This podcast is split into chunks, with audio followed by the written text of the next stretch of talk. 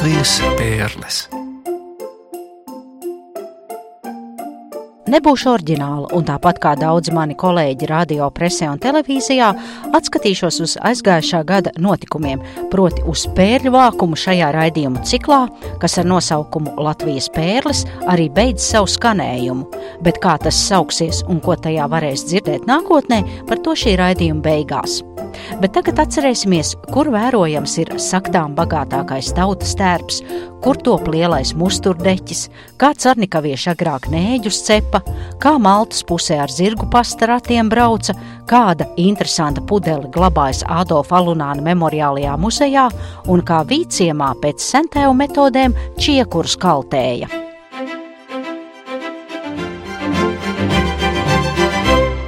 Valks novada Vīciema pagasta čiekurkalti ir vecākā Latvijā, taču uz citu pasaules čiekurkalšu fona tā izceļas īpaši, jo ēkā ir saglabājušās oriģinālās žāvēšanas iekārtas, kas ir vairāk kā simt gadus senas un joprojām veic savas funkcijas. Objekts ir iekļauts Eiropas kultūras mantojuma sarakstā. Karstākais darba laiks tiešām pārnestā nozīmē te ir ziemas sezonā, kad kaltas pārzinim Ivaram Palējam ir jāuzmana process, kad čiekuri veras vaļā, lai atdotu sēklas, kas nākotnē pārvērtīsies jaunā mežā. Šī ir čiekuru sviedrētava, vai šajā telpā uzturas sasvīduši čiekuri.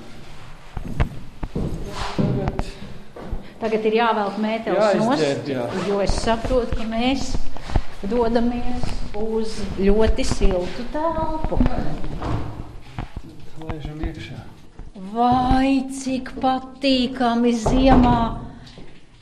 Tā kā pirtī.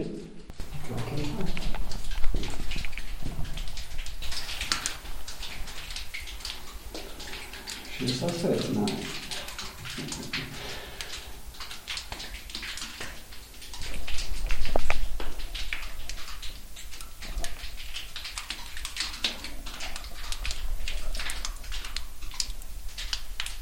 Nu jā, nu viņi tagad verās vaļā, lai atdotu sēkliņas, kas mūsu gadījumā ir pats galvenais, lai varētu tikt pie sēklām, no kā vēlāk izaudzēt stādiņas, ar ko atjaunot mežu. Un šeit ir pavisam 24 šādi te cilindri, cilindri jā, muces, bunduļi, kuros tie čiekuri tiek sabērti un žāvēti.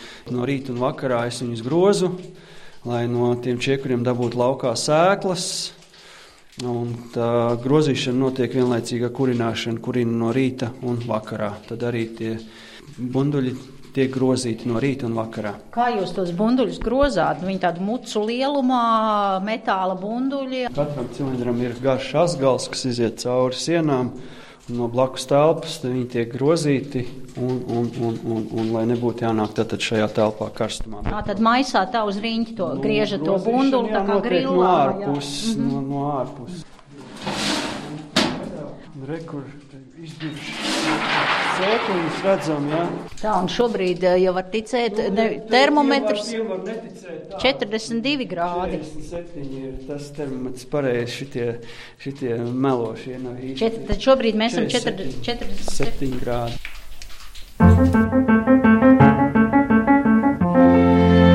Latvijas pērles.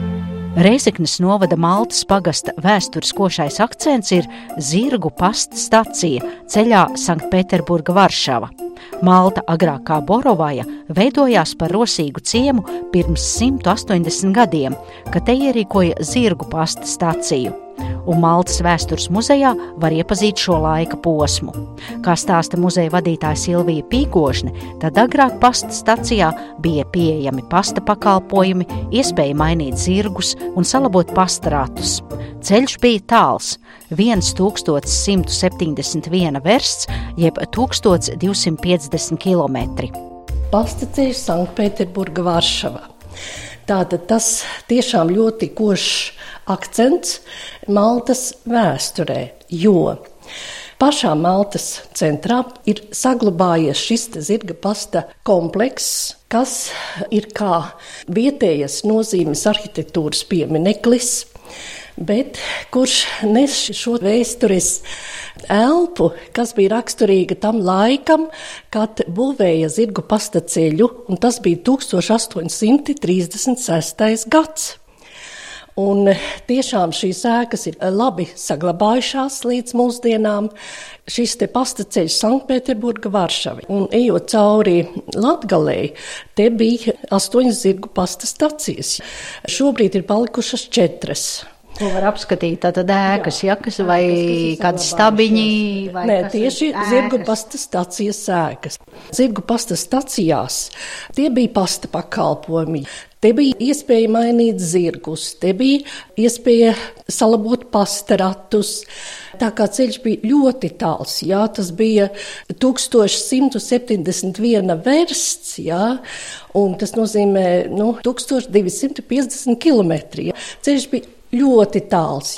Un, protams, vajadzēja atpūsties cilvēkiem, vajadzēja atpūsties arī zirgiem. Zirgu pasta stacijās varēja arī naktsmītni dabūt, bija uzgaidāmās telpas dažāda ranga ceļotājiem, varēja arī paēst. Un nu, vēl jāsaka um, to, ka uh, šis pasta ceļš, pasta trakts, šis lielceļš bija tiem laikiem ļoti moderna būve. Jo tiešām tas bija tāds grandios projekts. 1171 vērsts, jā, tā tad tika principā visi līkumiņi izlīdzināti. Pēc iespējas taisnāks tika veidot šis ceļš. Tad atkal tiltiņi tika izveidoti, kas agrāk nebija. Un noblietēta grants, virs ceļa bija, pa malām bija grāvji un iestādīti bērzi ceļa malās. Un jāsaka gan, ka 1860. gadā, kad uzbūvēja dzelzceļa posmu no Ostrovas līdz Dieneburgai, un kas ietvēra šo ceļa posmu, kas ir tagadējā Malta, tad bija stacija Antonopole. Tad, diemžēl, šī ceļa nozīme mazinājās. Protams, ka cilvēki izmantoja labāk dzelzceļa pakalpojumus. Latvijas pērles. Virgai ir ar ko lepoties. Gan sēnkapi, kur savulaik atrasts sudraba saktas un biķeris, gan tagadējā skolas ēkā apskatāmās durvis ar pašas baroneses rotātiem kogriezumiem, gan arī tautas tērps, kuru valkātājai nākas nest neskaitāmas saktas uz krūtežas. Dziesmu svētku laikā šis tērps tika gatavots skatei un glabājās Liepājā tautas mākslas biedrībā Saiva, tās vadītājs, audējs un roktarbnieces Iras Cīrulas pārziņā. Virga skaitās bagātākās saimnieces, jo Virga arī bija tajā laikā bagātākās saimnieces, un viņas izcēlās ar to, ka viņām vienīgām dārzarbos ir visi krūteši pilni ar saktām. Jo vairāk saktas, jo bagātāk sieva skaitījās. Vai meita, vienalga tas ir.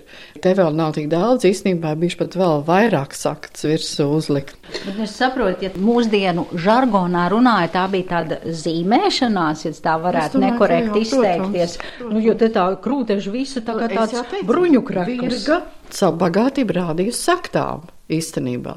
Un tā jau arī ir, jo tās jau nebija lētas, viņam paši to negatavoja, to gatavoja meistars. Nu, tad to var pamanīt, jau uz bistas Jā, visus uzliek tās jā, sakts, kur jūs teicāt 15 mēs saskaitījām. Jā, bet bija vēl vairāk. Un, un tagad Bet tas- kā? Nu jā, nu to jau katru Viņam- dienu nevalkāja, kā viņus uz leju. Ne. nē, viņam ir atsevišķi tā kā tāds tā uzšūts, uz kā piesprauž un piespriež. Ā, tā kā tāda bērniem. lacīte. Jā, tas ir atsevišķi, jo uz krēklu to nevarēs, bet tā jau krēkls tiek sabojāts. Tad tāda lacīte lika kreklam priekšā un uz tās piesprāda šo visu saktu krājumu. Tā, var jūs atļauj, vai es drīkstu pie, izskaitīt pie 1, 2, 3, 4, 5, 6, 7, 8, 9, 10, 11, 12, 13 un šo Arī spogu. 14, 15, 16. Bet ir bijuši pat vēl vairāk. Jā. Nu jā, un šī ir vien, virgai vienīgā ir spoguļu sakta. Vienīgai. Nevienam citam nav. Bet virga to izceļas, ka viņa tā spoguļu sakta, kad meitas varēja paspogulēties pretī. Es lūkšu, jā, skaidrojumu, kas ir spoguļi sakt, jo man izskatās, ka vienkārši tā kā mazs apaļš spogulīts Jā, tur ir pielikts. Tā arī Jā. ir. Nu, ir tā vairāk- mala ir tāda jā. apdarināta. Viņa ar apdarinātu, jā, bet eh, viņš ir kā spogulis, tur vairāk rotkaļi mācētu pateikt to sīkāk, kā tas ir, bet tās ir burbuļu sakts un tad arī stikla saktiņas un, un tā viņas sauc. Bet tā spoguļa sakta bija greznumam, vai tomēr, lai cits, me- vai pa- paspoguļot? Grēznumam, lai atšķirtos no pārējām meitām. Tas jau, man liekas, ir tas skaistāk. Un arī vainags, arī 9 centimetri skatās augstākais vainags. 9 centimetru augsts. Izskatās tā kā Zviedrijas vai Ukrainas karogkrāsa. Sirsnīs no pērlēm. Lentes, arī lentes ir vairāk no Lietuvas robežas, var cik tur tuvāk ir Lietuvas robežas, tas ir nācis arī tā, ka Daudz krāsains lents, tad eh, tā mēļā, dzeltenā un sārtā krāsā, un uz vainaga ar krāsainām perlītēm ir izšūtas sirdis un ziedu Jā, vītnes. Nu šis skaitās līgavs vainags būtībā.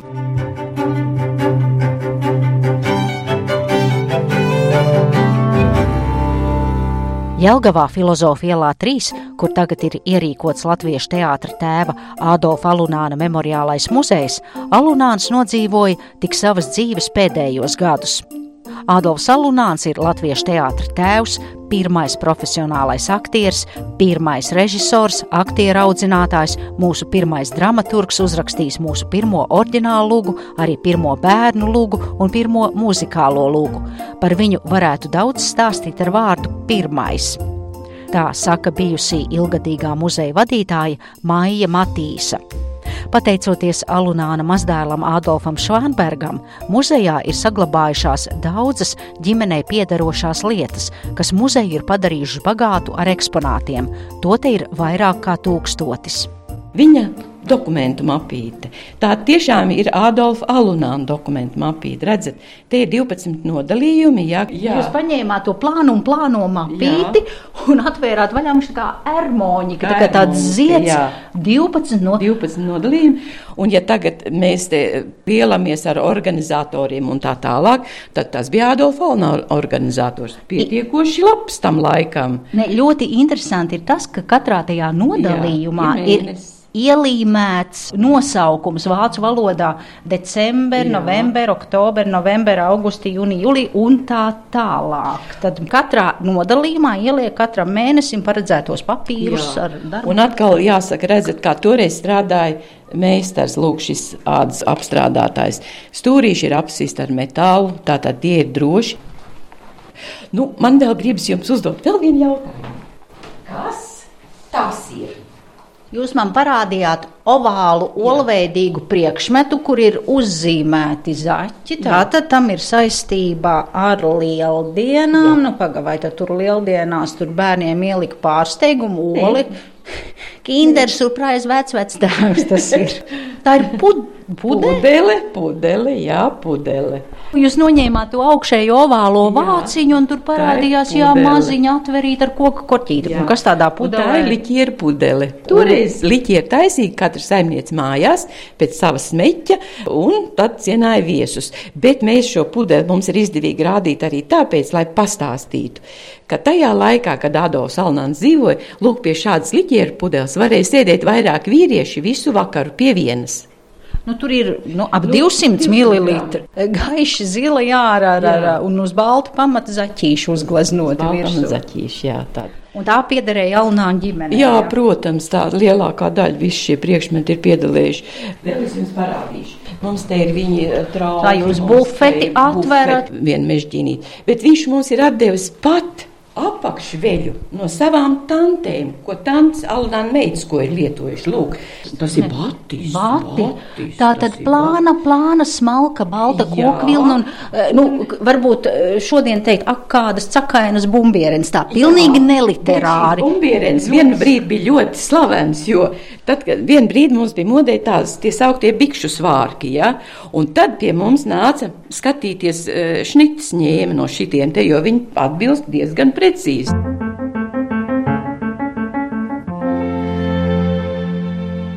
Cernikavas novatpētniecības centrs atrodas īpašā vietā un ēkā.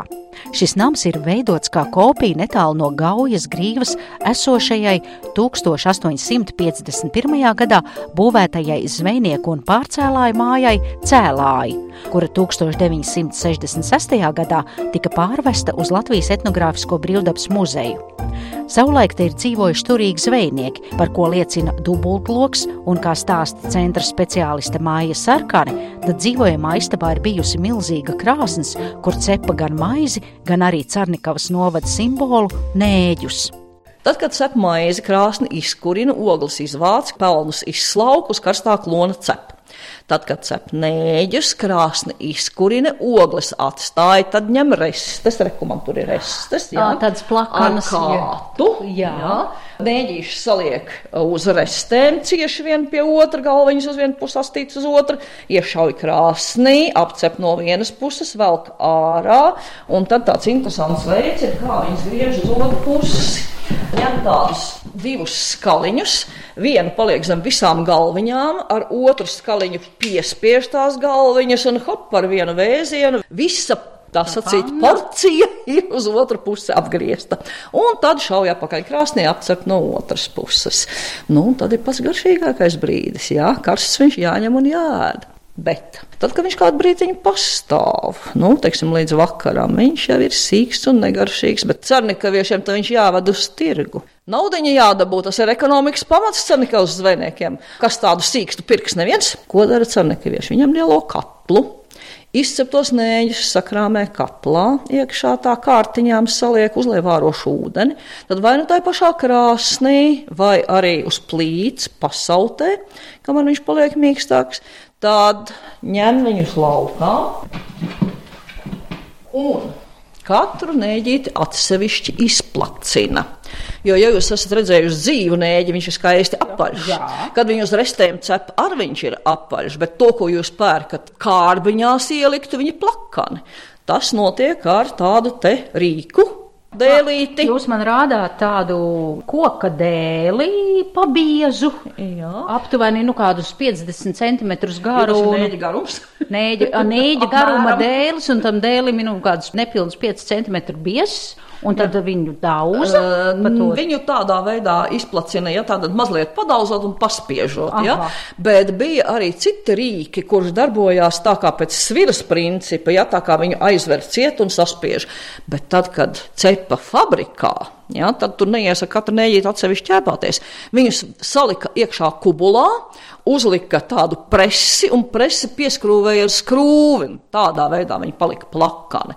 Nu, tad mums katlā ir palicis buļļoniņš, ja, viņš jāuzlai tiem saplacinātajiem nēģiem, sakārtotajiem kubuliņā vai kārbiņā virsū, un līdz rītam mums ir nēģi žēlējā.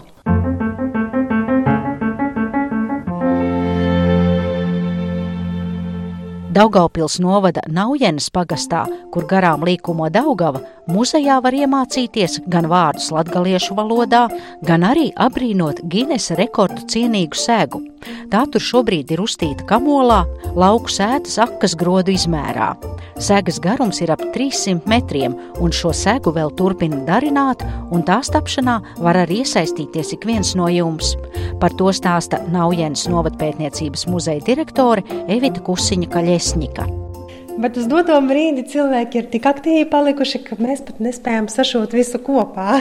Tā ieraksts notiek 2018. gada augusta otrajā pusē, un te uz milzīga ruļļa ir uztīts raibuma raips, kā jūs sakāt, musturdeķis. Cik garš tas ir, vai jūs jau varat pateikt? Uztīti ir 300 metri, bet mums vēl viņi arī ir fragmentiņos, tā no sašūtos. Jo doma ir tā, ka šis musturdegis ir tikai 80 cm pagaidām plāts. Mēs veidosim dubultplatumu. Tā kā mēs to otro daļu vēl šujam kopā. Bet garums Jā. jau vēl arī taps. Jā, vēl tā doma ir izveidot 500 metrus garu musturdeki. Kā jau es minēju, neiet nemaz tik raiti. Ļoti daudz cilvēku sūta, un tad mums arī šie kvadrātiņi, kuri pie mums nonāk tādā nesašūtā veidā, ir vēl arī jāiešuj šajā lielajā dekī. Kvadrātiņu izmērs ir noteikts. Ja? Cik Noteikts, jā. Cik lielam ir, ja tagad klausās un kāds grib piedalīties šī deķa tapināšanā? Viens, jā, katrs var adīt, tamborēt, aust kvadrātiņu 10 x 10 vai 20 x 20 centimetri. Un tad sūtīt mums vai nu vest personīgi. Protams, mēs labprāt redzēsim un gaidīsim visus ciemos personīgi, nu, bet, ja šīs iespējas nav, tad var arī sūtīt pa pastu vai kaut kādā veidā nodot mums, sazinoties ar mums iepriekš. Un līdz kuram datumam?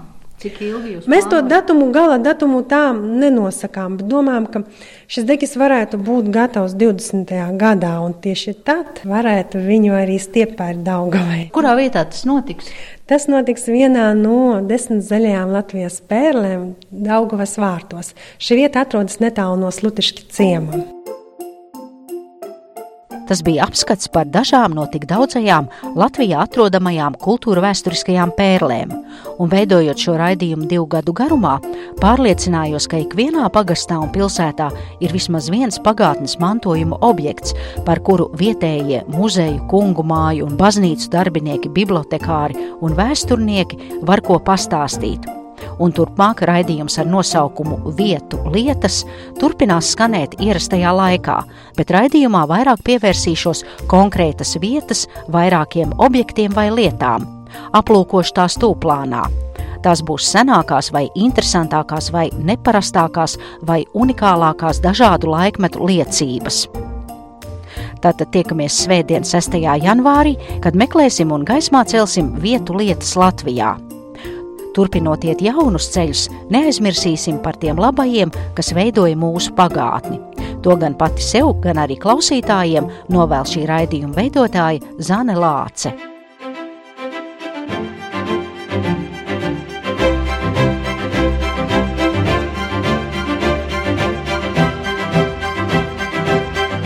Latvijas pērles.